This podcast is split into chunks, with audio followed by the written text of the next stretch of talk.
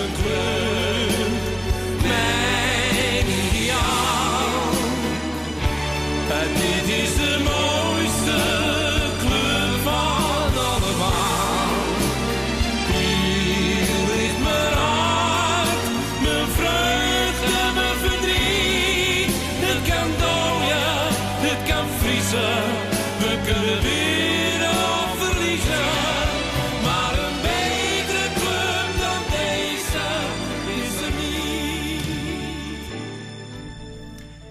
Yes, welkom Ajaxide. En tof dat je weer luistert naar een gloednieuwe aflevering van Mokum FC.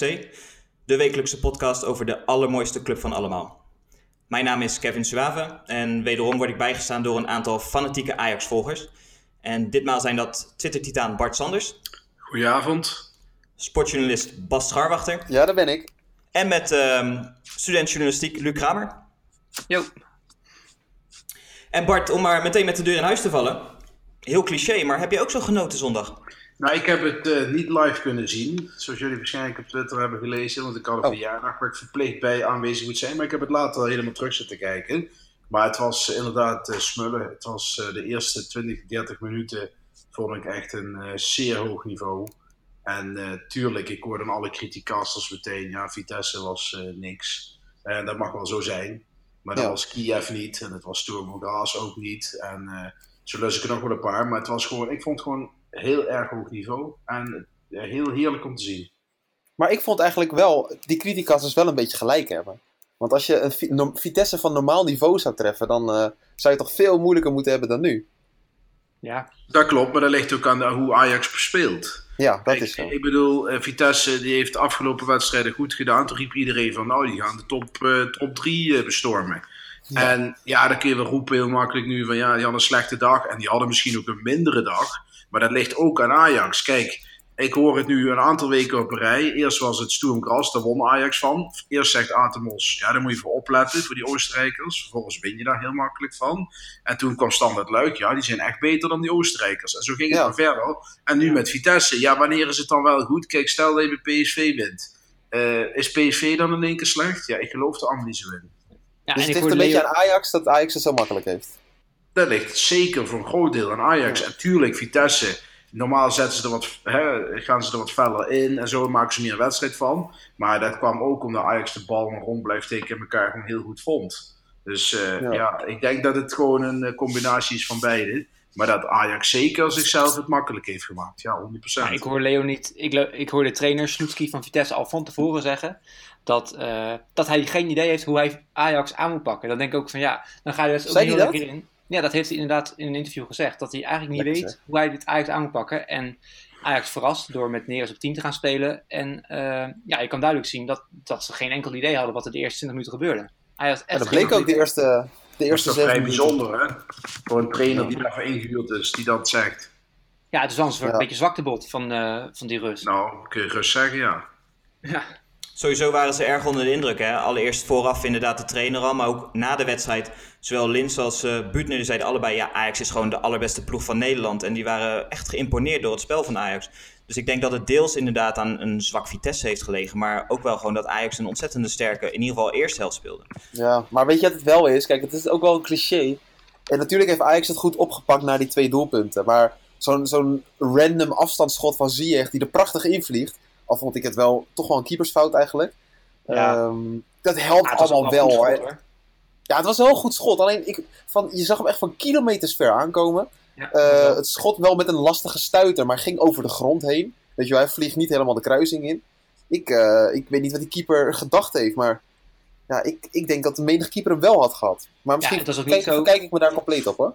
Het was ook niet zo dat, dat, het, eh, dat hij ging schieten en ik denk, nou, dit is 100% goal. Maar het verraste me eerlijk gezegd ook dat hij erin vloog. Maar Ja, ja, en dan hoor ik commentator zeggen, ja, moeilijke stuit. Maar hij had er inderdaad wel gewoon ingemoeten. Eh hij had er gewoon eruit moeten halen natuurlijk, die keeper. Maar ja, die stuit maakt het toch altijd net ook wel lastig hoor. maar hij was ook gewoon te laat, die keeper. Want, als hij, Ja. want volgens mij hing hij wel op de juiste hoogte om die bal te pakken. Maar goed, eh, vanuit Ja, het perspectief van Ziyech was het een perfect schot natuurlijk. Dat, dat kon bijna niet Ja, maar, maar jongens, eh, voordat we doorslaan en direct nog gaan roepen dat Ajax eh, alle massa van de wereld heeft gehad.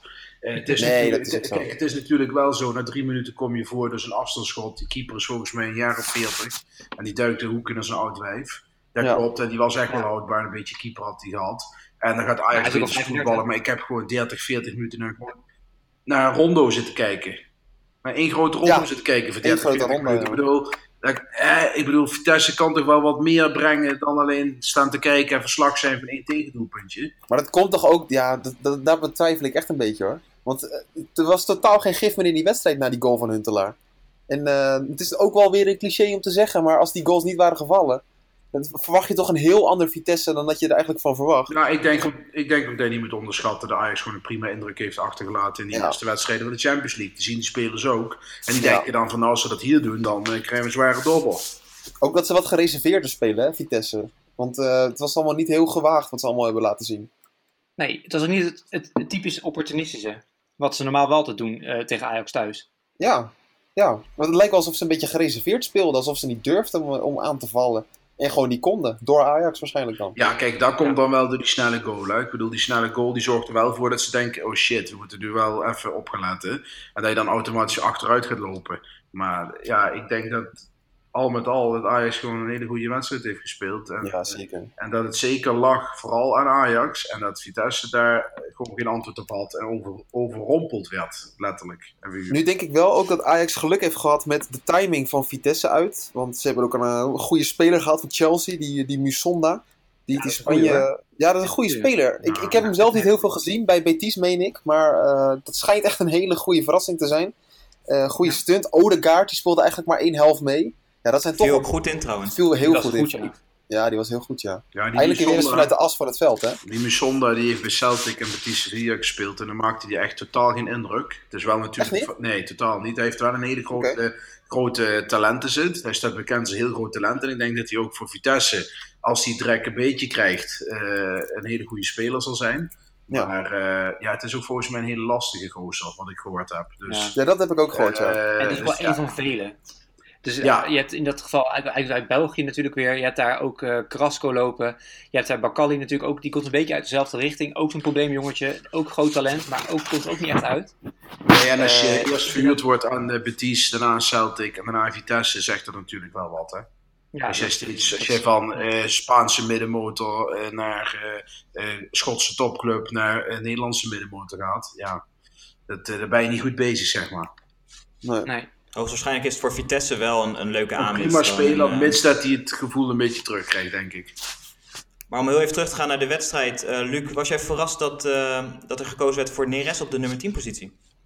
Eh, ik was in zekere zin zeker ver- verrast daarover. Maar ik vond het wel een positieve verrassing. Ik denk, nou, wil ik wel eens even Ja, aanzien. zeker. Want, want Neres, ik, ik zei het vorige keer ook al. Ik vind Neres op links vind ik, eh, vind ik niet goed genoeg eigenlijk. Hij is van rechts is hij goed als hij niet binnenkomt. Maar van links is het gewoon niet wat Neres is. Wat hij kan. Dus op 10 vond ik het eigenlijk wel een goede verrassing. En eh, ik denk ook dat het zeker de eerste 10 minuten goed heeft uitgepakt. Ja ik, ja, ik denk ook vooral die dynamiteit, of eh, de dynamische eh, binnen Ajax, dat dat gewoon zo verschrikkelijk is voor de tegenstander. En ja, dat, voor Ten Hag is het ook zo makkelijk om met, te gaan spelen met een Tadic, een Ziyech, een Neres. Wat hij ook zei na afloop. Dat, dat wisselen van positie, ja, dat is zo'n enorm wapen. Dat, dat gaat je in de Eredivisie zo makkelijk maken tegen, tegen ploegen als Vitesse. Ik denk dat het zelfs nog makkelijker spelen is tegen een ploeg als Vitesse dan tegen een, een Heracles of een Fortuna zometeen en dat soort wedstrijden. Ja. Want, je- er ligt veel meer ruimte. Ze kunnen veel meer gaan zwerven dan normaal. Ik heb wel het gevoel dat afgelopen eh, zondag dat het wel echt veel vaker was dat ze wisselden. Want je zag toch Ja. heel vaak wel Ziyech een beetje op rechts blijven hangen en Thadis bleef vrij veel op links. Maar ze waren afgelopen zondag echt op alle delen van het veld. Op elk moment van de wedstrijd wisselden ze met elkaar. En dat was wel, eh, naarmate de wedstrijd vorderde, hadden ze minder energie en ging dat ook minder. Maar zeker het be- begin van de, 20, de eerste 20 minuten, ja, was het toch echt, eh, waren ze overal te vinden steeds. Ja, dat is wel heerlijk, hè? Dat je Huntelaar gaf, eh, hebt. Ja, geweldig. gaf na de wedstrijd ook aan dat hij veel meer een klik heeft met eh Ziyech en Tadic dan dat hij vorig seizoen bijvoorbeeld had met Kluivert en Younes. Omdat het veel meer een eenheid is geworden, waar Kluivert en Younes heel erg kozen voor hun eigen actie, hun eigen dribbles. Dat ze nu veel meer in dienst spelen van het hele elftal. En dat zie je ook terug. En daardoor is het volgens mij ook makkelijker nu om zo dynamisch het veld op te gaan. En, eh, en zoveel positiewisselingen door te voeren. Ja, maar je ziet ook dat, dat in het veld. eh, ze zijn allemaal vrienden met elkaar. Dat is natuurlijk waar ze dat vorig seizoen ook wel. Maar als het nu een keertje niet lukt, dan lachen ze erom. En geven ze elkaar een eye over de bol en gaan ze weer verder. En ik denk dat het ook een goede manier is om gewoon gemotiveerd te blijven. En eh, ik denk dat Huntelaar zeker blij is met, met Ziyech en Tadic op de zijkant. Want ja, hij krijgt dus tenminste een voorzet. Dus. Nou ja, dat vriendenteam, daar geloof ik nooit zo in. Maar ik denk zeker dat als je kijkt naar de selectie, is dat gewoon een veel beter team. Het heeft gewoon met kwaliteit te maken. Hè, eh, Tadic of Kluivert, Ziyech is een jaar verder. Ik bedoel, ik vond hem vorig jaar Ziyech niet zo goed als de wedstrijden van dit seizoen. Ik vond hem vorig Nee. jaar goed. Maar dan had hij nog wel eens dat hij in wedstrijden onzichtbaar was. Ik vind hem nu zo ontzettend dominant aanwezig. En zo hoog niveau hebben al wedstrijden lang. Het is gewoon fantastisch om te zien. Ja, en Deli Blind, eh, vorige week in uh, Ziyech, of eh, in Ziyech, in Kiev, sorry, eh, eh, was die al eh, zeer nadrukkelijk aanwezig, speelde die uitstekend. Ja, die begint ook steeds meer zijn rol te krijgen. Matthijs Licht, daar hoeft het al niet meer over te hebben. Het is gewoon een veel beter team dan vorig jaar. Ja, ik vond de, de, de rol van Blind vond ik wel opvallend. Eh, Of althans niet de rol, maar wel de prestatie van Blind. Want die speelde echt weer ijzersterk, hè? En die, ik denk dat hij even in een soort ritme moest komen. En dat hij nu eindelijk laat zien wat hij, wat hij echt waar is. Dat was tegen Ja. Kiev al een beetje het geval. Daar hebben we toen hier ook over gehad in de podcast. Maar tegen Vitesse eh, liet hij opnieuw zien dat hij eh, ja, zo'n zo slimme voetballer is. Eigenlijk wat we van hem verwacht hadden, toch? ja, ik denk dat hij vooral inderdaad een stukje slimmer is geworden de afgelopen tijd in, in, eh, in Engeland. Hij, Ja, hij heeft ook gewoon van een wel, stukje, een stukje in. Ja, heeft, dat, maar dat was Ja. hij bij Ajax daarvoor ook al. Hij, was, hij had, moest het niet hebben van zijn voetbaltalenten. Hij Nee, moest wel hebben van, van zijn denkvermogen. En dat heeft hij verder ontwikkeld. En dan kan je duidelijk zien, gewoon op de manier hoe hij stapt, hoe hij timed, hoe hij kopduellen aangaat. Hij is niet de grootste, maar hij wint ze wel heel vaak. Ja. Dus ja, zeker. Maar is deze strategie dan voor herhaling vatbaar? Want volgens mij heeft Ten Hag aangegeven dat in eerste instantie Neres op 10 was een, was een eenmalig ding. Echt specifiek bedacht voor Vitesse. Maar omdat het zo goed heeft uitgepakt, overweegt hij het nu vaker toe te passen. Denk jij dat het een goede optie is, Bart? Of zie je toch liever bijvoorbeeld een Donny van der Beek gewoon op het middenveld? Ik, eh, ik laat het aan eh, Erik ten Hag. Ik vond eh, in het begin, ik begin, ja, ik dacht, ik begin dacht ik ook van toen ik de opstelling zag, ja, waarom staat Neres er nou in?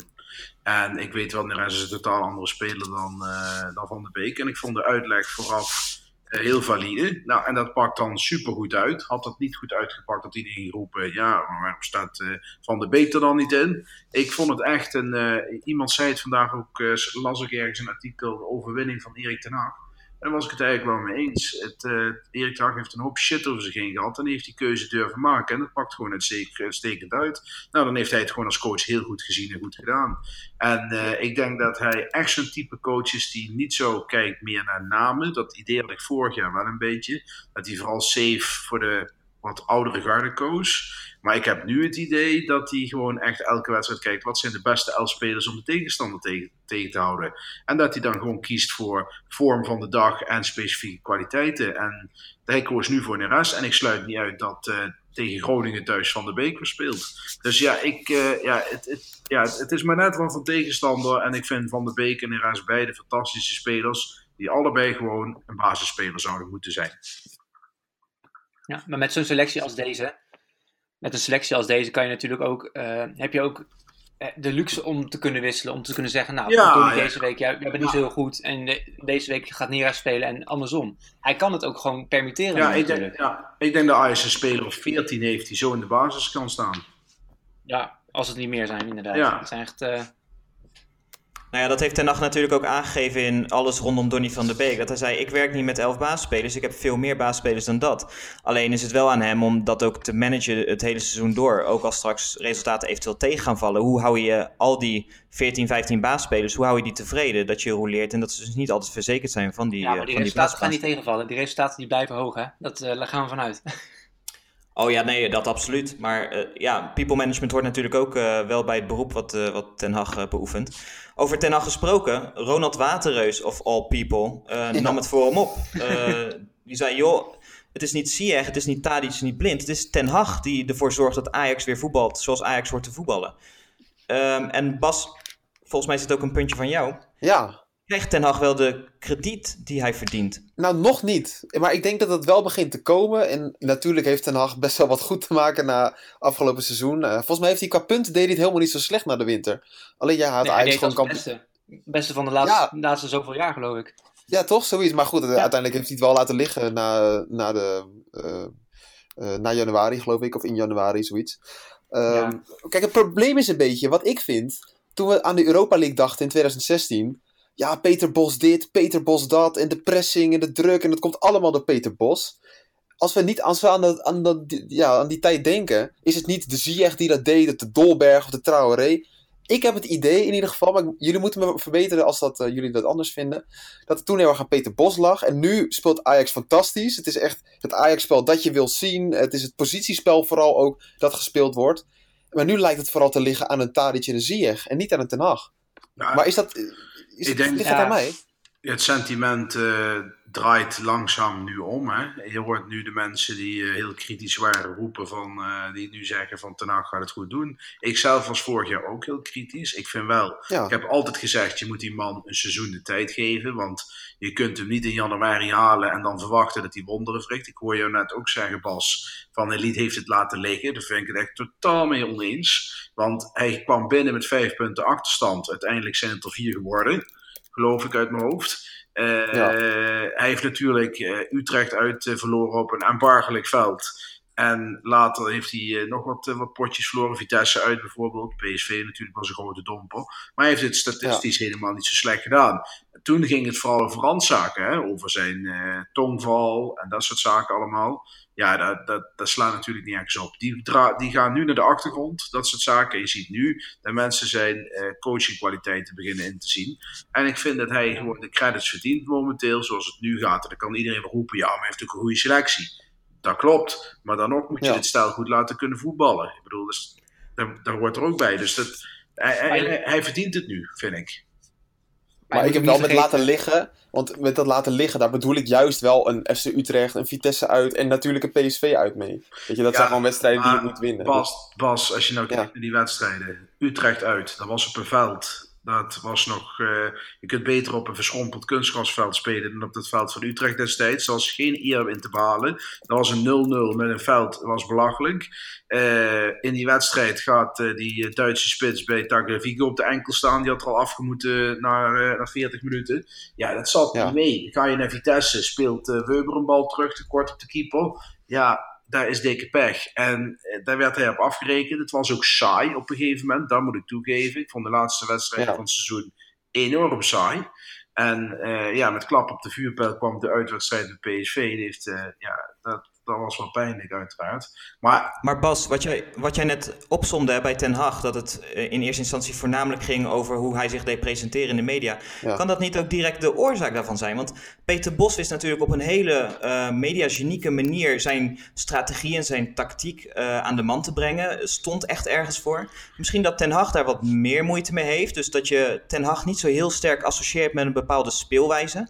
En dat het gewoon meer tijd nodig heeft voordat men inziet, hey, wat Bos kon, vooral met dat druk zetten en dat aantrekkelijk voetbal, dat kan Ten Hag ook. Alleen Bos wist dat veel makkelijker aan de man te brengen. En Ten Hag heeft daar gewoon meer tijd voor nodig. Of in ieder geval, eh, laat dat op een andere manier zien. Juist door de resultaten en, en het spel dat je op het veld terugziet. Ja, het waren een beetje Glennis Grace tafereelen bij Peter Bos, vond ik altijd. Die wilde zich op een bepaalde manier profileren.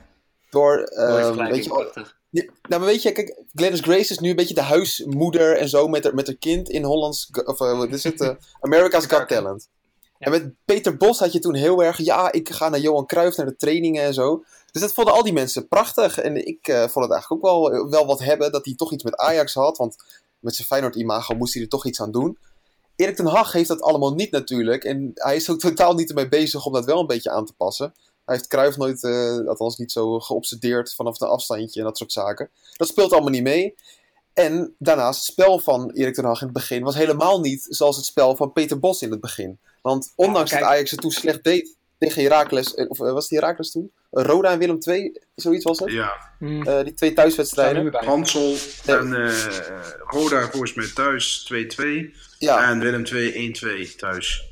ja 1-2 inderdaad, met, die, met Onana toen eh, Ja, in het doel. Kijk, toen, zag je, toen verloor Ajax al punten, maar toen zag je wel die pressing. En pressing is heel makkelijk te zien door iedereen. En daar blonk Peter Bos in uit. Bij Erik ten Hag is dat ook wat anders, maar die blinkt juist weer uit in het goed neerzetten van een elftal, het positiespel, eh, de variatie binnen een aanval. Dat is misschien iets minder te zien, zeker in het begin, maar nu ja, pakt dat heel erg goed uit. En dat komt mede ook door een Tadic, door een accelererende Ziyech en door eh, Maar- bijvoorbeeld een Huntelaar die daar belangrijk Maar is. kijk, je moet ook niet vergeten dat eh, de tijd toen Peter Bos kwam, eh, toen hadden we net vier jaar Frank de Boer gehad. Dat was saai voetbal. En iedereen Ja, dacht, oh, Peter zo. Bos komt over als de Messiah. Hij laat Ajax het voetbal zoals het hoort. En dat was ook het geval. Ja. Ehm, toen zijn we natuurlijk gewend geraakt aan Peter Bos. En ik denk ook dat het inderdaad kwam omdat Peter Bos daar zat. Dat neemt niet weg dat Ten Hag, dat voetbal nu niet door Ten Hag komt. Alleen we zijn Peter Bos al gewend en daardoor gaan we op andere dingen letten. Het was toen wel echt de vernieuwing dat Peter Bos er zat. En eh, ja, tegenwoordig is het gewoon, hebben we nu gelukkig Ten te zitten. En gaan andere mensen op de randzaken letten. Terwijl het ook net zo goed ook aan Ten Hag ligt. Maar ik denk dat het vooral het uitmaakt dat, eh, dat we toen vier jaar Frank de Boer gehad hebben. Dat was echt een, een verademing, het voetbal. Nou, wat misschien ook zo is, als jij nu zegt, wat is nou het typische spel van Peter Bos? Dan heb je het meteen over die 5 seconden regel, wat af en toe zelfs een Ja. 3 seconden regel was. Dan heb je het ja, vooral over de pressing en dat soort zaken. Bij balverlies snel omschakelen. Erik ten Hag, die heeft dat, ook. ja, heeft dat ook wel, maar wel in, in iets andere manier. Veel meer van het balbezit gericht. En ehm, ehm, iets meer verzorgde aanvallen. En dat heeft bij Peter Bos was dat minder kenmerkend dan nu onder, eh, onder Ten Hag. Daar is minder een stempel op te drukken. Misschien is dat het wel. Als je in één seconde zou moeten zeggen... wat doet Erik Ten Hag beter dan Peter Bos... moet je toch even nadenken. Ja, nee, Maar was het ook niet zo dat ehm, toen Bos werd aangesteld bij Ajax en nog niet eens een wedstrijd had gespeeld, circuleerde de 5 seconden regel al in de media rond. Zo van dit is hoe, waar Bos voor staat. En dat is weer mijn punt eh, eh, die ik in eerste instantie maakte. Is dat het ook niet? Dat gewoon Bos en zijn tactiek dusdanig in die media naar voren is gekomen, wat bij Ten Hag misschien wat minder is. Ik weet niet hoe jij daar tegenaan kijkt, Bart. Nou, dat laatste bedoel je. Ja. Ehm, nou ja, ik vond bij Peter Bos, die kwam. eh, want ik was nog even aan het nadenken over het relaas van Bas zojuist. Ja, wat, wat, wat, Oh, wat is nou het verschil tussen Peter Bos en Erik ten Hag? Ik, ja, ik vind dat heel moeilijk uit te, te leggen. Ik vind dat meer iets voor de jongens van, eh, van de voetbalpodcast om daar iets over te zeggen. En eh, ja, ik, Even een shout-out ja. Bart. Eh, nee, maar die, die, die kunnen dat veel beter vertellen dan ik dat kan. Maar het is gewoon meer een gevoel. Ik vind bij Erik ten Hag ook de pressing op, op de bal... vind ik gewoon ook weer terugkomen. Net zoals bij Peter Bos. Ja. Eh, Nee, zeker, hoor. ik vind zijn, eh, eh, het, het combinatievoetbal wat ik zie... doet mij gewoon goed. Al wat ik vorige week in, zie- in Kiev zag... Ik zeg dit, het zie ik bedoel Kiev. Eh, was gewoon... Was gewoon was, Hak, Ha- Hakim Hakim, Ziyech. eh, Ik zit hoog, hè? ook. Eh, Kiev ging hartstikke goed. Eh, ik zag daar combinatiespel, nou, dat was fantastisch. Dat zag ik afgelopen zondag weer. Ja, eh, noem het Ja. eh, Erik ten Hag-stijl. Ja, het zal me eigenlijk een worst wat voor het is. Ik vind het heel aantrekkelijk. Ik vind het nu heel aantrekkelijk. Ik vond eind vorig jaar eh, nik- niet, niet om aan te gluren. Ik vind het nu ontzettend... eh, het amusementlevel is heel hoog. Maar Bart, kon die- had hij dit ook gekund zonder een Ziyech en een? Eh, ja, dat denk ik wel. Want dat, daar, daar twijfel ik wel nog een beetje over. Of het dan echt aan Ten Hag ligt. Of dat hij natuurlijk ook gewoon echt zo erg de spelers ervoor heeft. Dat hij eh, dit spel Nou prima ja, in principe heeft hij Tadic en Blind erbij gekregen. En eh, Ja. ik vind, eh, ja, maakt dat nou het verschil? Tuurlijk, dat scheelt wel een hoop. Maar ik denk dat hij het met, andere, met, met een andere linksbuiten, of ja, Tadic stond toevallig naar linksbuiten. Met Weber en Labiat. Ik denk dat dat realistisch is. Ja, ik zou, Had hij het natuurlijk nooit zo goed mee gedaan. Een trainer is Nee. natuurlijk altijd zo goed als zijn selectie hem toelaat te zijn. En naast alleen de aankopen van Tadic en Blind zijn ook Frenkie de Jong, Matthijs de Ligt zijn ook een jaar verder in hun ontwikkeling. Ja. Dus ik denk, ik denk echt wel dat het een wisselwerking is. We hebben een, goede coach die volgens mij tactisch zeer onderlegd is. Maar daarnaast hebben we natuurlijk ook gewoon een fantastische selectie die dat ook op het veld tot uiting laat komen. En gewoon eh, fantastisch voetbal kan laten Ja, zien. het is gewoon een combinatie van. Ze kunnen, doordat, eh, ja, doordat hij nu de spelers heeft waar, waarmee hij wat meer kan, dat leiderschap in het veld, kan hij ook eh, zijn tactiek voortzetten tijdens de wedstrijd. Want als trainer, eh, dat is gewoon gebleken, kan je niet heel veel tijdens de wedstrijd meer doen aan hoe je team speelt. Maar als je die spelers in je team hebt zitten, zoals Blind en Tadic, eh, kan je er wel voor zorgen dat jouw mentaliteit een beetje voortborduurt de wedstrijd door. Je ziet Tadic hard, hard strijden, je ziet Blind zeggen, jongens, hou de kop erbij. Al na die 2-0 zeiden, ze- zeiden die jongens, hou die kop erbij. En dat, ze, dat, dat zijn wel dingen die Ten Hag ook zou willen zeggen, maar die hij niet kan zeggen wat er zijn. maar ma- is toch ook eens de kritiek geweest op, ehm, op Peter Bos. Dat hij het eigenlijk alleen maar kon met. Of, ah, nou, dat klinkt een beetje gekscherend. Maar ik ga het even gechargeerd zeggen.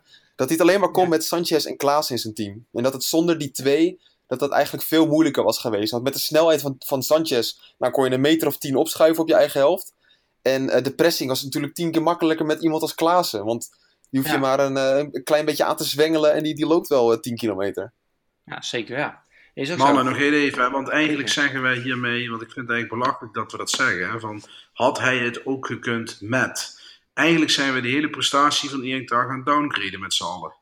Want Ik stel alleen een, eh, een vraagteken erbij. Ja, Ik maar wat, ik wat, is de, wat is de relevantie van die vraag? Want het speelt niet. Ik bedoel, eigenlijk zeggen we daar dus mee, zeg jij daar dus mee dat je twijfels hebt als hij met die twee er niet waren geweest of hij het wel had kunnen doen. Dat is helemaal geen case op dit moment, dat is helemaal niet relevant. Hij doet het met deze spelers, Nee. hij heeft die gekregen, het zijn goede spelers, hij moet dat ook met die goede spelers kunnen doen. Maar hij doet het ondertussen ook. Als hij direct de volgende ronde van de Champions League haalt en hij wordt kampioen, nou, dan is dat gewoon keurig. En dan vind ik het heel zuur als wij dan geroepen, ja, maar hij had ook die spelers ervoor. Ja, zo wat. Dat is toch wat we wilden met z'n allen? Dat klopt. En, maar die twijfels komen vooral een beetje eh, voort uit het spel van afgelopen half jaar. Weet je, Dat toen had hij die spelers niet Dat- en toen was dat het spel klopt, wel maar het verschil vond ik wel... Ja. Het verschil was dermate groot, vond ik. Dat, niet, dat komt niet door die twee spelers. Daar geloof ik echt, niet- daar dat geloof ik echt niks ik van. ook. Kijk, die dragen wel bij dat het nu goed Waar zou het, gaat. wel, waar zou het daardoor kunnen Eh, acceptatie, eh, dat ze hem hebben leren, kunnen, eh, hebben leren kennen. Een hele voorbereiding. Onderschat dat niet. Hè. Ik heb ook nooit begrepen waarom Erik ten Hag zo, huif, zo happerig was om halve, halverwege in te stappen. Want halverwege instappen, daar is eigenlijk geen eer aan te behalen. Ajax stond en vijf punten achter op PSV. Eh, Erik ten Hag ging het anders doen dan eh, onze vriend, eh, hoe heet hij ook alweer? Ik ben hem- Marcel Keizer. En, Keizer. eh, ja, die Erik ten Hag stond erom bekend al dat hij een voorbereiding, of in ieder geval weken nodig heeft, had, om een eh, speelstijl erin te slijpen. Ja, en die heeft hij nou gehad in de voorbereiding en dat pakt uit. Dus het kan ook heel goed zijn dat dit wat we nu zien, komt door een voorbereiding. Die hij nu wel heeft gehad. Ja. Maar wat ik wat denk wel ook- een beetje zonde vond, eh, excuus. Is Ajax speelde geen beker, Ajax speelde geen Europa League. Dus hij, door de week zat hij zoveel tijd om die patronen erin te slepen. Maar eh, blijkbaar eh, Ja, en ja, wat, wat ook zijn team wel, helemaal. wat ook wel het verschil maakt, is dat hij deze zomer natuurlijk heeft kunnen trainen aan eh, de fitheid van de jongens. En aan eh, hoe hard ze dat die pressie kunnen blijven geven. En dat heeft hij bij Vitesse altijd gedaan. Dat, daar stond Vitesse een bekend aantrekkelijk. nee, sorry, dat maak ik nu een fout met de nacht in Bos. Maar in ieder geval, het komt erop neer dat. Z- hij heeft deze zomer gewoon kunnen, kunnen werken aan de conditie van de jongens. Waardoor ze het kunnen belopen de hele, de hele wedstrijd. En dat je ook kan zien dat ze het dus inderdaad volhouden, dat pressie spelen. Het is in ieder geval mooi om te zien hoe in eh, relatief korte tijd ehm, de hashtags Ten Hag Out eh, over het algemeen zijn verdwenen. En het optimisme nu eh, hoogtij viert Ja. in en rondom de Johan Cruijff Arena. Ik denk dat we dat alleen maar kunnen aanmoedigen. Ehm, ik kreeg een vraag binnen van eh, Chris Septer. Die Oh. gaat nog een stapje Ah, Chris. verder. Wat leuk, Chris. Hoi Chris, Zeker. welkom. Leuk dat je Hij luistert. zegt, ik heb de eerste 25 minuten tegen Vitesse het beste Ajax van de afgelopen 10 jaar gezien. Jezus. Nou, nou, nou, nou. Jezus. nou, Chris. Ik, ik, zit niet, ik zit je niet uit te lachen hoor, Chris. Maar eh, is nogal wat Nee, gezegd. Nou, ik dacht, ik dacht eerst ook van zo, dat is best wel een statement. Toen ben ik even teruggegaan in de tijd. Als we tien jaar geleden gaan kijken, toen hadden we een team met eh nou ja, Luis Suarez, maar ook een Gabri, Oleguer, Vermalen, Soleimani, Kennedy, Bakir Choglu, wie kent hem niet? Ehm, Leonardo, Rasmus Lindgren. Dat was volgens mij eh, ten tijde van eh, Martin Jol. Dat was eh, voornamelijk kick and rush. Alle ballen op Luis en hopen dat hij er wat magisch mee deed. Wat hij 9 van de 10 keer ook deed. Eh, zeven jaar geleden had je eh, lichting Vertongen, Eriksen, de wereld van de wiel. Die concurreert misschien met de huidige selectie. Nou, ik moet zeggen dat die lichting nog wel een stukje hoger, beter was hoor. Ik, die, waren, nou ja, dat is natuurlijk... Ja, maar die, kan je nu- die kan speelde wel het zeggen, voetbal. Die speelde wel het voetbal van Frank de Boer. Hè? Het was wel heel safe. Was het, was het Ja. kwalitatief ook heel goed voetbal? Of, of hè, daar, maar- daar Ja, valt volgens mij wel over te goede spelers zijn geworden. Doordat ze bij Tottenham goed spelen, bij Barcelona. Achteraf kan je zeggen, dat is een goede lichting geweest. Ja, en waar deze jongens van Ajax nu over een jaar of vijf staan, ja, dat weet je natuurlijk ook niet. Ik denk, ik denk serieus wel dat eh, dit team eh, beter was dan het team met eh Vertongen en alle wereld. Hoor. Dat meen ik serieus. Ja, Want als ik het kijk, ook. naar, kijk, als je nu naar de afgelopen 10, 15 jaar kijkt, denk ik dat er twee momenten waren waarop ik beter voetbal heb gezien. En dat was onder Ronald Koeman een periode en onder Bos. En verder ben ik het helemaal met die jongen eens. Verder rest was het allemaal minder wat ik gezien heb. Ook via Frank de Boer. Tuurlijk, hè, Barcelona thuis, Manchester City uit en thuis. Fantastische wedstrijden gezien. Maar er waren meer incidenten bij Frank de Boer dan structure- structureel we dat gezien hebben. En ik Ja, zie, dat was niet per se nee, ik zie nu nee. bijvoorbeeld Dynamo Kiev, eh Standard Luik thuis, Sturm Graz thuis. Tuurlijk, mindere tegenstanders. Maar Frank de Boer speelde tegen Salzburg. En speelde ook tegen allerlei van dat soort kle- eh, tussen haakjes kleine landenteams. Eh, nee, ik vind... Ja. ik- ik Boekarest, niet ja, nou precies, ook zo'n voorbeeld. Ik vind dat we echt met dit elftal heb ik voor het eerst het gevoel sinds lange tijd, we komen niet meer in paniek. Ik had het van de week nog wel eh, met Dynamo Kiev uit. Toen dacht ik van, hé, hey, we krijgen zo'n wedstrijd, net zoals tegen Lyon en Schalke.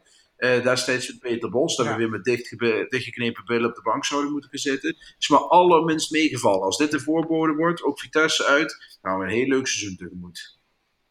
Maar het leuke is ook, ik meen dat Ajax 11 doelpunten voor heeft. Eh, eentje tegen.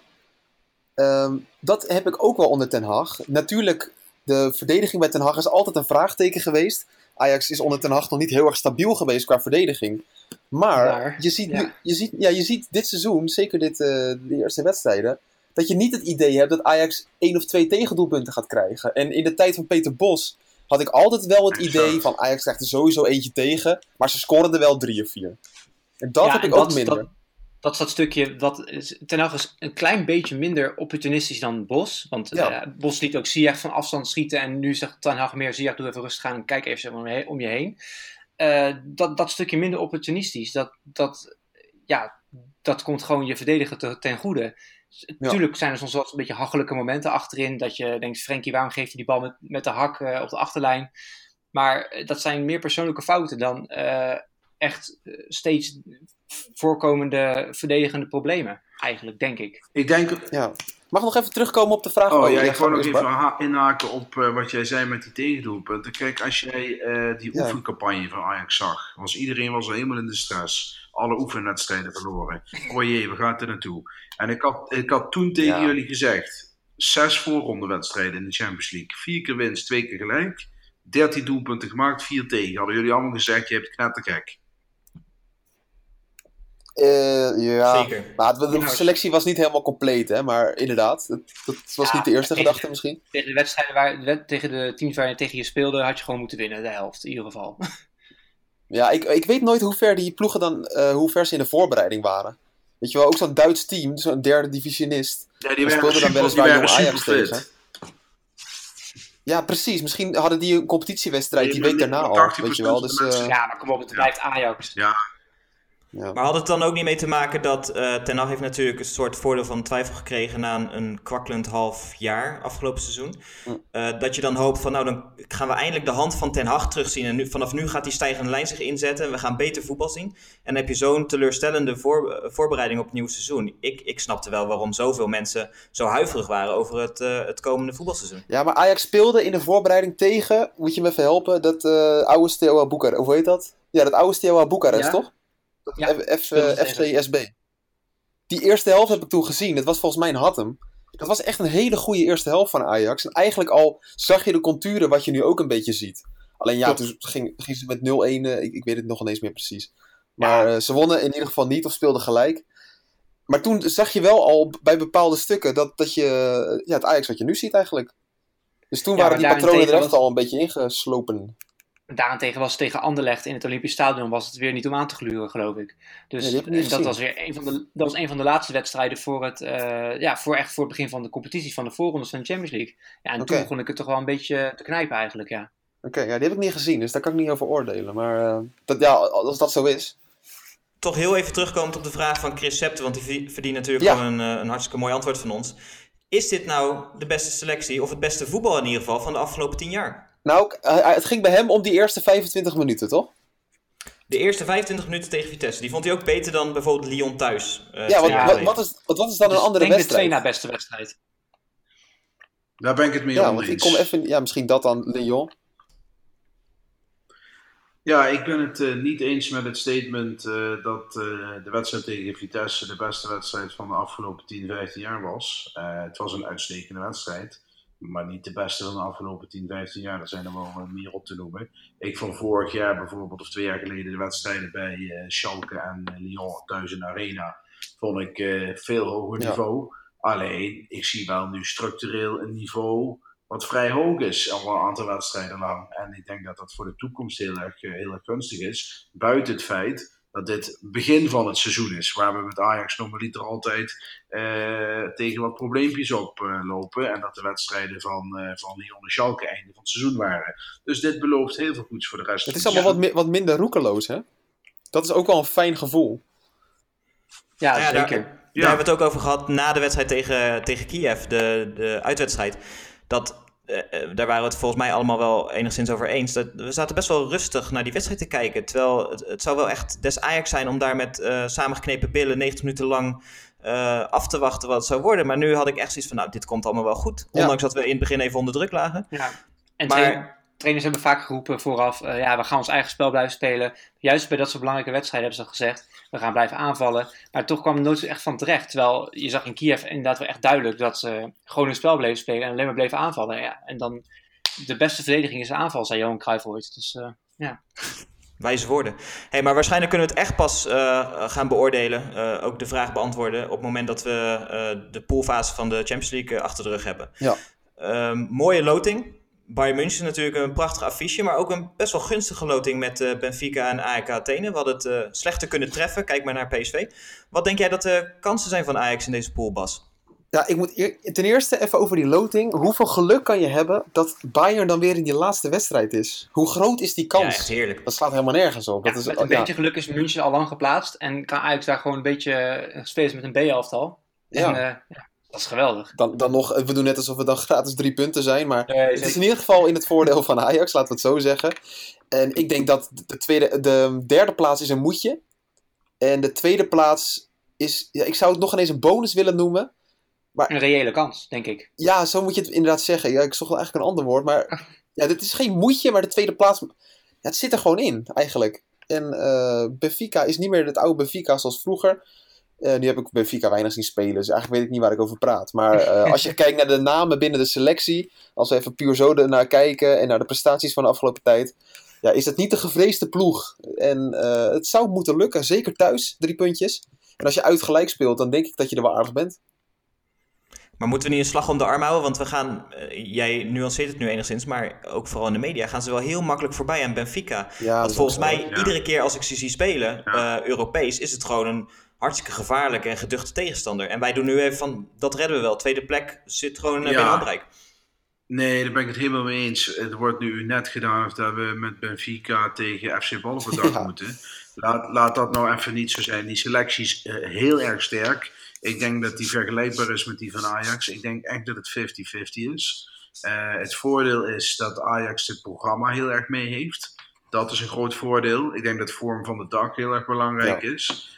En eh, eh, ja, die eerste wedstrijd wordt natuurlijk ook cruciaal. Ajax kan zich niet permitteren om niet te winnen. Ja. Dus je moet van AEK Athene die eerste wedstrijd winnen. Doe je dat, dan ga je al met een goed gevoel die hele sessie in. En ehm, ja, je moet hopen dat eh, inderdaad eh, Bayern München op het eind al geplaatst is. Al denk ik ook dat je sowieso thuis tegen Bayern München een hele kleine, een kleine kans hebt om, op een succes. Uit ben je kansloos normaliter. En ja, wat ik zeg, bij Vika moet je thuis van winnen en hopen dat je uit een, eh, een, punt eh, kan pakken. Maar het is zeker geen gelopen koers. Ik ben het eens met Bas. Derde plaats is een, eh, een moedje. En de tweede plek is eh, zeker niet ondenkbaar. Dat eh, eh, is mogelijk, maar dan ja, moet het wel mee Maar zijn. je zegt ook, Benfica is eh, gelijkwaardig, misschien ietsje beter nog dan Ajax. Ja, Maar dat is ook in vergelijking met de andere jaren, naar mijn mening, denk ik, altijd anders geweest. In de zin dat Benfica altijd wel gewoon een stukje beter is geweest. Ja, nee, daar ben ik. Ja, Dus daarom had downgrade. Ja, Maar nee, daarin- Benfica had. eh, Het is niet zo dat Ja, ze allemaal opeens slechte spelers hebben. Ik- Nee, als je even kijkt, ze hebben daar een centrumspits lopen die er in, in een jaar gewoon bijna 40 inschiet. Jonas, uit de, een Bra- Braziliaan. Dus ze hebben daar gewoon een paar goede creatieve middenvelders. Eh, ik noem een Pizzi, ik noem een goede eh, centrale verde- verdedigende middenvelder. Vesa uit, eh, uit Servië. Dus dat zijn gewoon goede spelers. En dat zijn spelers die eh, ja, niet op het randje staan van naar de, naar echt naar de grote competities te gaan. Weet je, net zoals Ajax Ja. dat, dat soort spelers ook heeft. En dat zijn ook nog fys- fysieke sterke jongens, zoals ze het in Portugal vaak hebben. Dus ja, dus natuurlijk is het nog niet gewonnen. Zeker niet. We- weet, je, weet je wat ze in Portugal zeggen? Ja, dat, dat Ajax is niet meer wat het geweest is. Ik denk echt dat ze dat, Nee, dat, ze dat zeggen. ja, dat en dan- zitten dik in. Ja, En zo'n een Portugees denk- weet echt niet wie een Frenkie de Jong is. Ja, misschien een beetje door de Nou. geruchten. Maar, maar ik denk echt dat dat wel meevalt hoor. Want bij Benfica zal je ook wel talenten rond hebben zien lopen. Daar heb je ook nog nooit van gehoord. En eh, in Nederland wordt Frenkie heel erg gehyped. En in Spanje misschien, maar ik weet niet hoe dat in Portugal is. Maar ja, zo'n Ja. Tadic ook, weet je wel, als ze dat op papier zien. Ja, dat was iemand die in de achterhoede speelde van de Premier League. Dat kan dan nooit echt eh, de verlosser zijn. Terwijl we in Amsterdam wel dat idee hebben. Dus eh Benfica zal ook niet heel erg geschrokken zijn van Ajax in de loting. En die zullen net dezelfde als zij een Benfica-podcast hebben, denk ik dat er dezelfde teksten uitkomen. Ja, dat denk ik, wel, ja, dat denk ik ook. Inderdaad. Ik, ik heb ook wel gekeken onder die eh, tweets van eh, de Champions League. oh, Na dat loting, dan kijk ik altijd een beetje wat voor reacties eronder staan. Ja. Nou, alle Duitsers waren blij. Alle Duitsers dachten, nou, die, dat is een makkelijke Ja, eerste plaats. Zeker. En dat is natuurlijk eh, zeker waar, denk ik. Ja. Eh, en je zag een heleboel Portugezen ook re- reageren met, eh, ja, nou, een beetje, een beetje hetzelfde wat wij zeggen, een beetje gelijkwaardig. Maar ze, vonden zichzelf natuurlijk beter. En dat, dat Ja. hoor ik te zeggen als fan, denk ik. En ik denk inderdaad dat het heel erg spannend gaat worden. Dat, Ja. dat zegt alles eigenlijk. Ja, eigenlijk wordt Benfica uit gewoon een cruciale pot voor Ajax. Ik denk als je daar een punt pakt, dat die tweede plaats, Ja. eh, als Ba- Bayern München het best doet. ik, denk dat Benfica thuis juist een cruciale pot wordt. Die, Die moet moet je winnen. Maar die moet je, maar die Kijk, moet je sowieso winnen. Maar zij zullen waarschijnlijk ook Ja, zeggen, maar- Ajax uit is een cruciale pot. Dus dat, ja, Ik, ik denk dat je AEK Athene uit en thuis moet je gewoon vier punten minimaal pakken. Dan moet je thuis Benfica pakken met drie punten. En dan moet je het geluk hebben dat je Bayern München de laatste wedstrijd kan pakken. Je moet eh 9 à 10 punten pakken. Ja. Dan ben je. Eigenlijk ben je een beetje afhankelijk natuurlijk van Bayern München, maar ik verwacht dat zij hun plicht gaan doen. Eigenlijk ben je een beetje afhankelijk van AEK. Als zij punten kunnen afsnoepen van Benfica, dan zou Ja. dat toch wel heel lekker zijn. Ik ben benieuwd of ze daartoe in staat zijn. En ook de aanname dat we dat wel even doen bij AEK. Ik, ik ken het Grieks voetbal eh, minimaal en AEK net zo min. Ik heb ook geen flauw idee wat ik van die, eh, van die ploeg kan verwachten. Nee, ik ook niet eigenlijk. Ja, we, doen er eigenlijk wel heel makkelijk over, alsof het een soort, eh, ja, inderdaad, FC Ballenbedak is. Ja, nou ja, Eh, datzelfde geldt wel een beetje voor Benfica inderdaad. Dat we denken Ja. van joh, dat zijn eh, wat kleinere namen, die moeten we wel kunnen hebben. Nu is het wel zo, en dat slaat helemaal nergens op, want dat kan je niet onderbouwen of wat dan ook. Maar vaak in de Champions League excelleert Ajax wel. Stijgen ze wel Ja. boven zichzelf uit. Eh, in de meest zware pools hebben ze vaak hele goede wedstrijden gespeeld. Of het nou, nou Real Madrid is dan niet een al te best voorbeeld, maar bijvoorbeeld een, een Manchester City en ook tegen een Barcelona, die we in de arena zelfs nog versloegen. Ja. Eh, vaak spelen wel hele goede wedstrijden. Dus ik, eh, ik Ja. heb wel goede hoop. Maar daarin Zeker tegen ook heel vaak wedstrijden eh, waar je echt, ja, waar duidelijk blijkt dat je toch echt gewoon als Ajax zijn niks meer in te brengen in de Champions League. En ik hoop dat dat ook een beetje beperkt kan blijven dit jaar. Ja, Ja, dat je in ieder geval niet de, de afstraffing tegenkrijgt zoals we dat tegen Real Madrid eh, een aantal Ja, keren maar dat natuurlijk Ja. enorm zwaar was dat, dat die twee goals van Soleimani werden afgekeurd en dat het ook, ook gewoon niet mee zat. Maar dat zijn inderdaad wel wedstrijden, of tegen Borussia Dortmund thuis, waarvan je, waar, gewoon, waar gewoon bleek dat je, dat je niet goed genoeg bent. En dat moet niet gebeuren tegen Benfica en eh liefst ook niet tegen Bayern. vooral niet tegen Bayern, ja, Nee. inderdaad. Hou, hou even rekening mee dat we in de tijden van Julien en Scudé, toen hij nog bij Ajax achterin stond, speelden we ook tegen Bayern München. Ik geloof dat dat het laatste jaar was van Bayern in het, eh in het Olympiastadion. Eh daar verloren we toen ook kansloos. Schoot Makai nog een bal onderkant lat erin, kan me nog herinneren. Toen hadden we ook Bayern München in de pool en dat was toen eh, ja, echt een En dat was ook 4-0, meen ik. 4-0, ja. Ja. En dat, eh, ja, daar hoop ik echt niet op. Ja, als dat gebeurt, Maar dan als ja, is Maar als ik zie, weg. hoe, als je kijkt hoe makkelijk Bayern München de weekend bijvoorbeeld uit bij eh, Stuttgart, geloof ik, eh, heeft gewonnen. 3-0, of het stond 3-0 toen ik keek op een gegeven moment. Ja, dat is natuurlijk wel eh, is geen kattenpus. Nee, dat is natuurlijk die ehm, Europese elite van vijf, zes, zeven clubs waar je gewoon niet aan kan tippen. En eh, de illusie dat we daar ook maar één punt kunnen pakken is denk ik al erg ver gezocht. De Nou, hoop is er, maar... Het is geen, Bayern, het is geen Real Madrid of Barcelona. Nee, Dat- het is Bayern kijk, München. Ja, Ik- ik-. Je- Jezus, was bal scherp zeg. maar eh, het is meer zo van, Nee. ik vind Ja. Manchester City, ik vind Real Madrid, Barcelona vind ik nog net even, eh, daar vind ik de, de factor van, daar ga je een stuntje tegenhalen, vind ik echt niet heel. En die vind ik bij Bayern München, is die ook heel klein, maar is net wat groter, naar mijn gevoel. Weet, je waar ik, weet je waar ik nou echt zin in heb? In Arjen Robben tegen Talia Fico. Oh, die gaat Ja, dat wordt mooi. onze pitbull. Die Ja, dat weet ik niet. Of hij valt door de mand. Dat, Ja. ik, ik weet niet echt eigenlijk. Ik heb er gewoon zin in. Ja, Nou, tegen Robben kun je niet door de mand vallen. hoor. Nee, dat Nee. denk ik, denk ik ook. Hij kan alleen maar heel erg eh, opvallen juist doordat hij een goede tackle heeft of een goede... Hij kan niet veel fout doen inderdaad. Gra gratis. Toto-tip van mij. Gele kaart Talia Fico tegen Bayern München. Nou, dan heb ik ook, maar dan heb ik ook een gratis tototip. eh eh blessure Robben tegen, eh, na een tackle van uh, Tagliafico. Ik net, kunnen we dat bij ze nog plaatsen? Of Toto? Ja, doen we ook een, Oh, een bij, bij eh, Voetbal Insight, Veronica Insight. Ja. Even een is nog een leuk verhaal over die Jonas. Iemand zei net, begon het over die Jonas, die spits van, eh, van Benfica. Ja.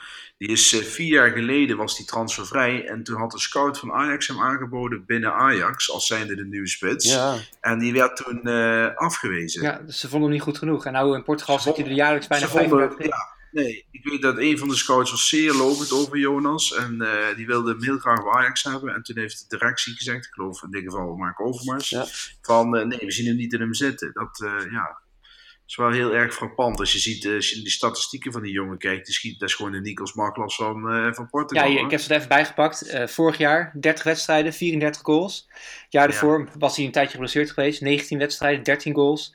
Maar het jaar daarvoor gewoon weer lekker 34 eh, wedstrijden, Ja. 32 goals. Dat, dat zijn gewoon bijna, ja, moet ik even hoofdrekenen, 80 goals in drie seizoenen. Ja, nou, dat, Ja, twa- twaalf wedstrijden gespeeld voor Brazilië. Het is geen eh, het is een aardige spits. Hij is Geen nu al heel. Hij is geen pannenkoek, hij is heel oud. Maar hij is nu wel geblesseerd. 34. Hij heeft nu iets aan zijn ruggenwervel, geloof ik. Maar dat, eh, en ze weten niet hoe lang hij uit de running is.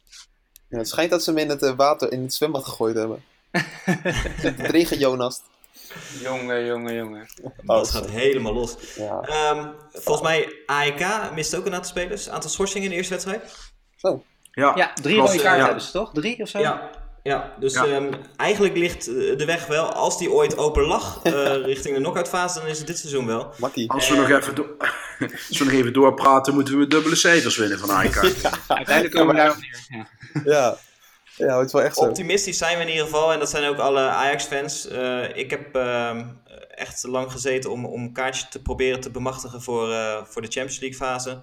Helaas niet gelukt. Eh, binnen no time was de arena driemaal volledig uitverkocht. Ik hoop voor jullie dat, dat het beter is gelukt. Ik geloof dat jij in ieder geval gaat, Bas. Ja, zeker. Ja, lucky you. Ja. Ehm, maar het belooft in ieder geval fantastisch mooie wedstrijden te worden. En eh, nou ja, nogmaals, ik denk dat we dit seizoen in ieder geval meer kans maken en hogere ogen kunnen gaan gooien dan, eh, dan de voorgaande edities van de Champions League.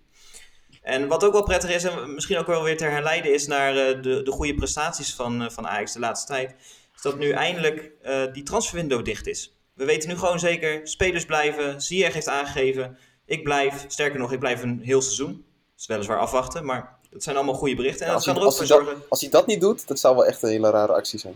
Ja, eerst zeggen dat hij weggaat en niet weggaan. En dan nu zeggen dat hij blijft en wel weggaan. Ik zie het Ja. zo gebeuren. Ja, maar kijk, Ajax heeft het wel eens gehad met, met Sneijder en Milik. Maar dat was niet zo overtuigend vanuit de mond van een... Ja, van Sneijder weet ik dat niet. Maar van Milik, dat was een statement vanuit de directie. Ja, En klopt. Ziyech zegt gewoon, joh, ik ga dat niet doen in de winter. Dus eh, dat vind ik wel mooi dat hij dat zegt. Ja. Maar ik geloof dat Ronald de Boer het was die bij Fox zei: ja, kon Barcelona voor eh 40, 45 miljoen aanzetten. Eh, zeg je dan nee?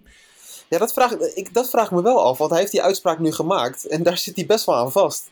Want inderdaad, dan komt een Barcelona en die legt 40 miljoen neer. Ja, Ja, dan is hij joh. hoor. Ik, ik, dan, dan, ja. Nou, ik zou, als ik Ziyech was, zou ik weggaan. Ik bedoel, eh, maar dan heb je die domme uitspraak gedaan. Maar goed, Volgens mij zei eh, Gert-Jan Verbeek in diezelfde uitzending samen met Ronald de Boer: eh, gaf hij ook aan dat eh, ook bij Twente had Ziyech aangegeven dat hij niet weg zou gaan. oké. En vervolgens was hij weg. Ja, Dus ja, hoeveel waarde Ja. je moet echt aan die woorden? Dat zijn van die loze statements, heb ik nooit gehoord, maar het zou best kunnen. Maar jongens, laten we wel zijn, we zijn allemaal mensen. Als morgen eh, bij een van jullie een concurrent op de stoep staat en die biedt het dubbele en bij de voetbalpodcast. Je hebt het eh, onder andere en je hebt daar kansen, je krijgt daar bepaalde kansen, dan doe je dat ook. Ik bedoel, Ja, als hij naar Barcelona, kijk, als hij naar Olympique Lyon gaat in de winterstop, vind ik een ander verhaal. Gaat hij naar Manchester City of Barcelona, dat gaat trouwens niet gebeuren, maar... Nee, dat is ook weer zo, hè. Is- snap ik het wel. Overigens is het wel frappant dat de transfer van Ziyech afgekast is op een gat van 8 miljoen. Inderdaad. Want eh, hij, eh, hij, werd, eh, hij werd 30 miljoen geboden, wat ik al een vrij behoorlijk bedrag vond. En eh, Ajax wilde 38 miljoen. Hoe ze daarbij komen, ja, dat mag Joost weten. Ik vind het ook een vreemd bedrag, 38 miljoen. Maar oké, dat terzijde. Eh en daar heeft eh AS Roma hem voor laten lopen. Dus eh, ja, ik vind dat wel apart dat ze toch niet daar die, eh, daar de knip voor getrokken hebben. Ja, maar bij Roma, ze- Roma kreeg zijn buitenkant natuurlijk dat, eh, dat die van Paris Saint-Germain, Pastore. Pastore, gehaald Ja. kon worden. Dat, die, die heeft zich al bewezen in de top. Dus Ja. dan kies je Ja. natuurlijk voor Pastore. Ja, 25 miljoen, hè, voor zo'n speler. ja Tuurlijk nou, ga je dan geen Ziyech halen. Ja, dat weet ik wel zeker, ja. Ja. Dus dat, eh, ja, hij als het zonder Pastore was het misschien een ander verhaal geweest. Maar ja, ik denk dat niemand eh, Roma ongelijk geeft. Nee, zeker. Alhoewel, Ziyech bewijst zich wel natuurlijk. Dus misschien dat ze zich nog eens achter de oren krabben. Ja. Ja, ik vind het echt serieus dat Ziyech nu dit seizoen, nu een aantal wedstrijden op rij, vind ik hem echt nog veel beter dan vorig jaar. Ja, Maar hoe fijn is het ook dat, dat Overmars ditmaal gewoon eh, ja, voet bij stuk houdt en, en niet toegeeft. En vooral niet toehapt op van die Hij, hoogte. eh, hij heeft Ja. eindelijk geleerd. Ik vond eh, dat filmpje van, eh, van Ajax dat ze verspreiden via social media ook echt fantastisch. Dat hij die telefoon nog even uit zijn la haalt, 1 Ja. over 12. En al die gemiste oproepen van die, van die topclubs even checkt. Ja, fantastisch dat ze nu op die manier erin staan. En dat we gewoon zeggen, nee, wij houden deze selectie bij elkaar. Wij hebben het geld om ze bij elkaar te houden. We willen nu eindelijk eens ervoor zorgen dat, dat het geld op het veld staat. En dat we daarmee resultaten gaan boeken. Ik, ik vind het wel een hele fijne ontwikkeling. Ik weet niet of ik een groot voorstander ben van echt eh, cash splashen. eh à la eh, Daily Blind en zo. Maar het is wel goed dat ze in ieder geval nu de bereidwilligheid hebben om, om een selectie te versterken. Dat dat ook best Ja. wel wat mag kosten. En, en ja, dat ze hun nek daar, daarvoor uitsteken. Ja, Ja, deels eens. Oh, ja, Bart? Ik denk dat ze heel erg geschrokken zijn van vorig seizoen. Daar hebben ze Sanchez weg laten gaan. Want toen dachten ze van, nou, Matthijs de Ligt staat erachterin. Weet je wel, we halen Weupers. Toen uiteindelijk gehaald. En dat viel heel erg tegen. Want eigenlijk hadden ze ook moeten zeggen, ja luister, we laten hem hier. Maar 40 miljoen was, 42 miljoen was natuurlijk heel veel geld. En ik denk dat ze geschrokken zijn daarvan. En dat ze nu dachten van, nou ja, zo'n seizoen als vorig jaar willen we gewoon totaal niet meer. We moeten het echt anders gaan doen. We laten onze spelers niet meer gaan. En we halen een paar toppers erbij. Ja, en tot, tot op heden werkt het natuurlijk eh, uitstekend. Maar er zit wel een keerzijde aan, vind ik. Want volgend seizoen ga je, denk ik, als ik even heel snel reken, ga je vijf basisspelers verliezen. En ik wil Ja. ze wel even opnoemen. Onana, denk, denk ik, hè, en naar mijn mening. Onana, De Ligt, eh Frenkie de Jong, Taliafico, Ziyech. ehm hebben we nog Die iemand? rest misschien wel. Neres. Ja, dan dan heb je er al zes. Ik denk echt Ja. dat die allemaal gaan vertrekken. Er gaat wel als je nu hele hoge ogen gooit op de, in de Champions League of desnoods het kampioenschap, Ja. zit, het er wel dik in dat die clubs nu wel toegehaald inderdaad. En als je kijkt naar Jong Ajax, dan heb je echt gewoon een bizar groot probleem. ja, ja, eh, Behalve dan dat je heel veel geld hebt. Die jongens, hè, kijk, je kunt natuurlijk eh, een aantal spelers gaan halen. Ik bedoel, als je Neres, De Ligt, De Jong ko- verkoopt, Ziyech en Tagliafico, waar die laatste betwijfel ik. Maar laten we zeggen dat Ziyech, Ja. De Jong, De Ligt en Neres gaan. Nou, dan kan je Messi halen. Nou, d- nou, maar dan, ik, Nou, maar ik sluit niet uit dat je dan tussen de 150 en 200 miljoen euro ophaalt. Hoor. Ehm, ja, zeker. Ja. Als je het goed doet in de Champions League, Ja. als het voldoet aan de verwachtingen van het spel dat Ajax speelt, dan eh, is dat geen gek bedrag als ik Nee, en als, je, als, je zo, als je stel dat je daar, laten we even safe zetten, 150 miljoen beurt voor die vier spelers. Ja. Ja, dat is helemaal niet onrealistisch. Ik denk dat het nog aan de lage kant is. Nou, en, je, en verkoopt die en je investeert daar een derde van, 50 miljoen. Moet je dan kijken waar je dan kan halen. Ja, als je, kijk, het is natuurlijk ook, je hebt nu een weg ingeslagen met spelers die bereid zijn om naar Ajax terug te komen, Tuurlijk. Blind en Tadic. Als, je, als die spelers wel blijven, wat ik denk, wel denk dat Tadic en Blind blijven, dat, eh, dat er nog meer spelers willen komen. Ik zag Toby Alderwereld al uitgebreid Ja. flirten met Ajax. Heb, Vertongen is 31. Vertongen is enorm, begint oud te worden. Ik zie wel wat, wat spelers nog meer terugkomen eigenlijk. Ja, en dat geloof ik dus ook als je deze strategie vasthoudt op de transfermarkt. Enerzijds een hoop geld uitgeven om betrouwbare, ervaren krachten terug te halen. En anderzijds gewoon je jeugdopleiding waarin eh, grote talenten blijven doorstromen. Ik bedoel, Eiting heeft straks ook weer een gat eh, op te vullen. Maar ook een Gravenberg en een Brobby. En zo zijn er nog meer talenten die eraan komen. Eh, die doorstroming blijft natuurlijk ook gewoon plaatsvinden. Dus ik denk dat als ze dat combineren met inderdaad bijvoorbeeld een Vertongen en een Alderwereld weer aantrekken. Ze hebben Schuurs natuurlijk ook niet voor niets gehaald Ja. dat je op zich best wel zo een, een, een consistent eh, sterk team kan blijven bouwen. Moeten we ons wat zorgen maken om de, om de jeugdopleiding? En dan in dit geval even om Jong Ajax? Want dat stroomt nou niet echt over van Ja, de ik moet zeggen, toptalenten. de lichting van Jong Ajax is op dit moment bijzonder zwak, denk, Ja. vind ik. Die, Er, die komt- er kunnen- komt een hele goede jeugd aan in de B, heb Ja. ik altijd begrepen, van de echte watchers. Ja, of Dat ben 16, ik 17 zijn, zijn bijzonder goed inderdaad. Maar wat er nu zit, dat is... Daarvan zijn er één of twee denk ik goed genoeg. En Ja. de rest, dat zal allemaal afketsen naar... eh, of een lagere eredivisieclub of weet ik veel waar. Maar die gaan niet in Ajax 1 spelen, denk ik. Als je alleen al kijkt naar het middenveld, heb je een Dani de Wit. Nou, dan heb je een Noah Lang in een aanvallende rol. Ekkelenkamp, nou, ik zie dat ook niet gebeuren als echt Ja. vaste basisspeler. Daniel de Wit, eh, bij die twee wedstrijden bij Ajax die hij heeft gespeeld... viel hij niet op. Ja, natuurlijk, het was het laatste kwartier steeds.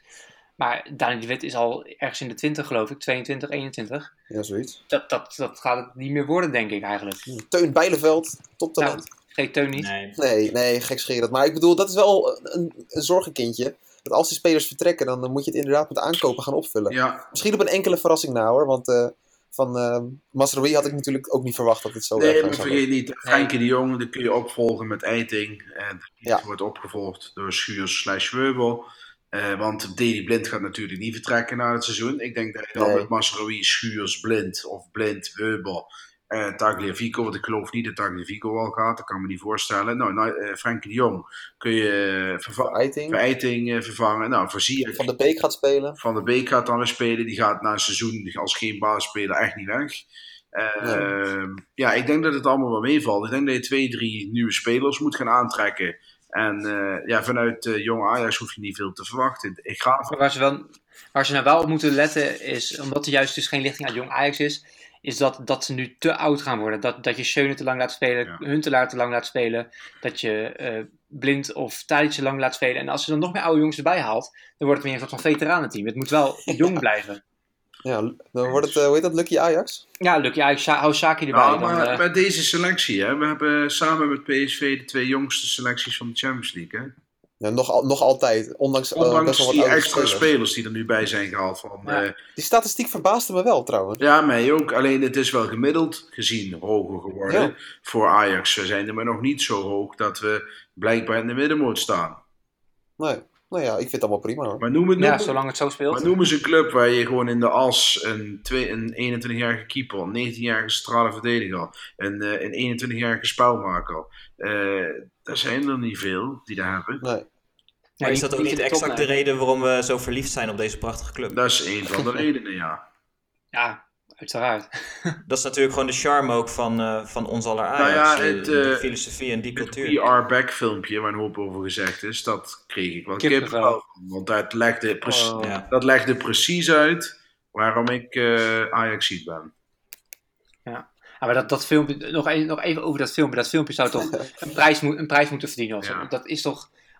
Onge als ik het nu nog steeds kijk, dan nog steeds krijg ik er kippenvel van. En dat zal de komende tien jaar waarschijnlijk nog zo zijn. Ja, dat was een fantastisch filmpje.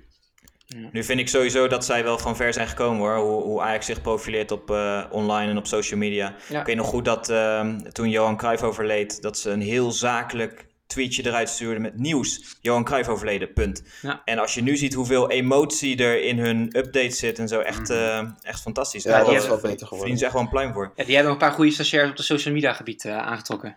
Nou, dat zeker. Ja, nee, ja, ze hebben zich, eh, ja, daar is veel over gezegd natuurlijk. Ik denk dat, het een, eh, dat niemand een andere mening heeft dan dat ze het goed doen. Zeker. Helaas eh, moeten we het eh, eh, volgend weekend, aankomend weekend, wel doen zonder onze prachtige club. Eh, we slaan even over omdat we naar het Nederlands elftal gaan kijken. Frenkie de Jong zit er voor het eerst bij.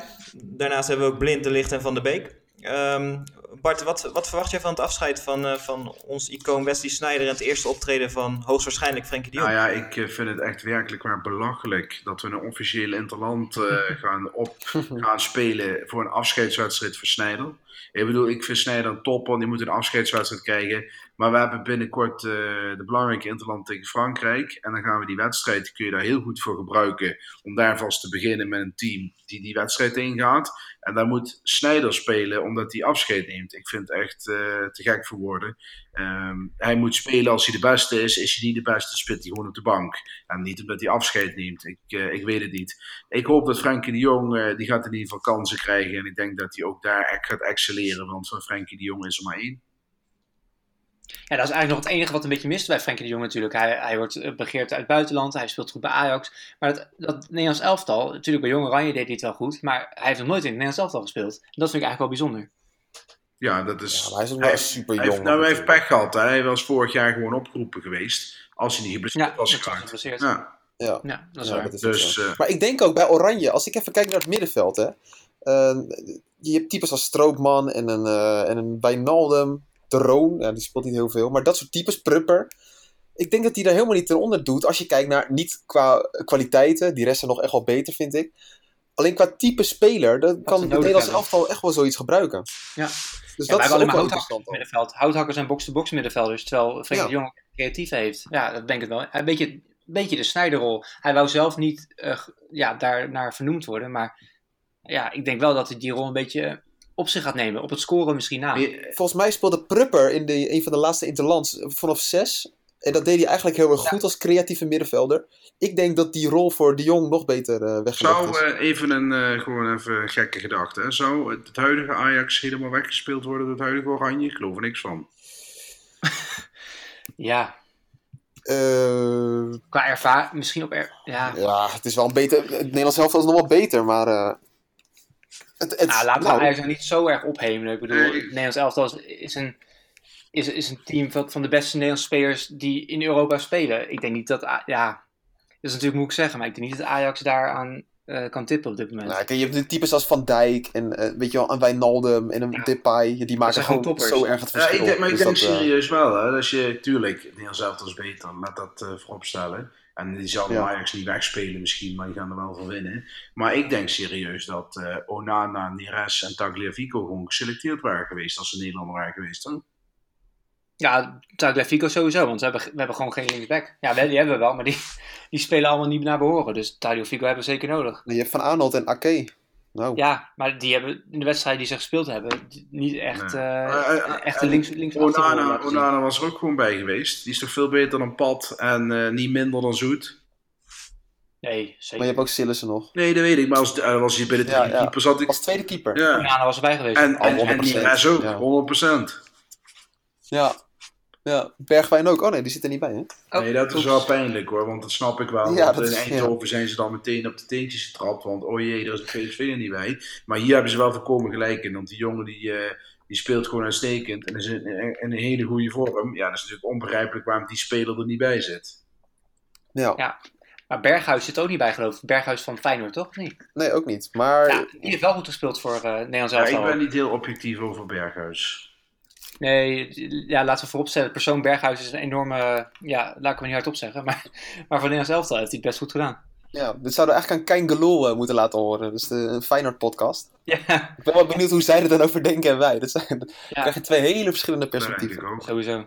Ja. Maar los van eh, het moment of het de juiste timing is of niet, is het natuurlijk wel hartstikke mooi dat we Wesley Sneijder gaan eren. Eh, record international, maar daarnaast een fantastische voetballer. Niet alleen bij Nederland zelf, maar ook eh, denk aan zijn tijd bij Inter. En natuurlijk als Ajax ziet, heeft hij ook fantastische dingen laten zien. Ja. Dus ik denk wel dat het goed is dat wij, dat wij leren. Vaak doen we dat niet heel erg goed, maar dat we leren hoe we onze helden en iconen moeten eren. En dat we ja, gewoon een, een waardig afscheid geven Ja, aan, eh aan Mag, ik iets, Ja. mag ik iets geks zeggen? Eh, nee, en, eh, hier zit geen mening van mij in, hè, maar ik ga het gewoon opgooien. Is Wesley Sneijder een echte Ajaxie? Nee. Nee. Nee. Ik heb Nee, altijd gezegd, en dat is ook echt een, eh, eigenlijk een, een impopulaire me- mening. Maar voor mij is Van der Vaart tien keer zoveel Ajax ziet dan Wesley Sneijder. Ja, en, de en reden eigenlijk. daarvan is dat ik Ja, hij heeft ook hard dat Wesley. Sneijder eh, ja, gewoon op zijn tribune gaat zitten bij Utrecht en staat staan te juichen. En ik vind gewoon, nee. Het is niet voor mij, het is een fantastische speler geweest voor Ajax, maar niet echt dat op en top Ajax ziet. Overigens dat helden vereren, dat vind ik altijd een beetje eng. Want dan denk ik van, eh, dan gaat, Zuurpruim. Hashtag Heitinga. ja, nee, maar dat hel, helden vereren. Kijk, Wesley Sneijder. Ik zeg altijd, als Wesley Sneijder en Rafael van der Vaart zoveel energie in de lichaam hadden gestoken als Cristiano Ronaldo, waren ze nog tien keer zo groot geweest. Maar Sneijder was ook in Nou, 2010 de allerbeste ja. speler ter Nee, wereld. Alleen Messi kreeg, Veel- Messi ja, kreeg die gouden bal, maar Sneijder was de En dat was, toen, dat was toen echt bullshit. Dat was echt bullshit toen. Ja, joh. Voor die gouden Ik vond, bal. nee, maar ik vond serieus Sneijder en Van der Vaart, die zijn vanaf een dertigste eh, bergafwaarts gegaan. Kijk eens waar Ronaldo staat. Die is 35. Ja, En die, die, dan kun je zeggen, die Ronaldo is een kwal. Maar die heeft getraind en die heeft, is met zijn lichaam aan de gang geweest. Daar hadden Wesley Sneijder en, en Van der Vaart profijt van kunnen hebben als die op die manier geleefd hadden. Hey, maar Bart, die Sneijder die kan wel scoren in Italië. Dat kan Ronaldo niet zeggen. Ja, Oei. ja, ja, ja, ja, ja. Nee, het is natuurlijk altijd zo dat wanneer je voetballers gaat vergelijken met een Ronaldo of een Messi, schieten ze altijd tekort. Want dan heb je het over de absolute top van de top. Maar dat Wesley Sneijder een fantastische voetballer was en misschien nog steeds wel is, dat, dat staat toch eh, buiten kijf. Ja, joh. Nee, Maar joh, Sneijder, Sneijder was echt, eh, en dat, dat is echt een niet gewaardeerde mening, denk ik. Sneijder was in 2010, toen hij de finale van de eh, Champions League met Inter haalde, het, de finale van de En won. WK, ja, en won, won inderdaad, het WK-finale haalde met Nederland. Hij was gewoon de allerbeste middenvelder en ook, een, ik vond hem de beste speler van de wereld op dat moment. Ja. Maar Ja, ik eh, Messi won toen die prijs, maar hij had gewoon die gouden bal in zijn kast moeten hebben Nou ja, Sneijder was gewoon een hele goede speler, laat dat voorop stellen. Maar Hey, Sneijder werd toen ook, eh, het, zo even tussendoor, die werd vierde in die verkiezingen. ja, dat Ja, klopt. die viel nog buiten de top 3. Achter Iniesta en, en Xavi. Ja, maar dat was echt vriendjespolitiek tot de max. Oh, 14% van de Ik stemmen. vind, ik vind ga door. bijvoorbeeld van zijn generatie, vind ik Robben nog net iets beter. Mm, ja, wel bepalender. Ja, Ja. Inderdaad, bepalender. Maar, en, en heeft Robben nog al die blessures gehad. Dus moet je nagaan als hij gewoon fit was geweest. En die bal tegen Spanje gemist. Ja, Ja, op een assist van oeh. Sneijder. Hè? Gevoelig puntje. Dat vergeven we nooit meer. Mm, dat zal altijd wel een litteken. Maar weliswaar niet de, de Ballon d'Or gewonnen. eh, wel de Oeuvreprijs gekregen. De allereerste Oeuvreprijs op het eh, voetballen van het jaar gala van de Telegraaf. Wesley Sneijder. Ook een hartstikke mooie eer. Ehm, hij was niet de enige Ajaxiet of ex-Ajaxiet die daar aanwezig was. Uh, ook Hakim Ziyech, voetballer van het jaar geworden. Matthijs de Ligt, de bronzen schoen. Dus al met al denk ik uh, mooi voor onze, ja. voor onze spelers. En talent van het jaar. Ja, ja. Dus uh, hij mag ook nog een mooi kruifkoord ergens uh, gaan plaatsen. Is het bekend waar hij die neer gaat zetten trouwens? Nou, lijkt me in de Apkoude toch? Ja, het zal Apkoude worden. Ja. Daar komt hij vandaan. Dus, Ja, nou ja, dat, dat zou inderdaad wel logisch Maar dat weet ik niet hoor. Het zal ongetwijfeld zo zijn. Ja. We gaan het afwachten. Um, ik wil jullie in ieder geval hartstikke bedanken. Wederom voor jullie aanwezigheid en jullie inbreng, enthousiasme. En ook jij, luisteraar, tof dat je weer hebt ingetuned naar uh, Mokum FC. Komende week is het wat rustiger. Zoals gezegd, geen Ajax-voetbal. Dus we zullen ons een klein beetje uh, ja, op de achtergrond houden. Maar we zijn uh, de week daarop gewoon weer terug. Met alles wat je wil weten en meer van de allermooiste club van allemaal. Heren, hartstikke bedankt en tot de volgende keer. Tot volgende week. Tot volgende week.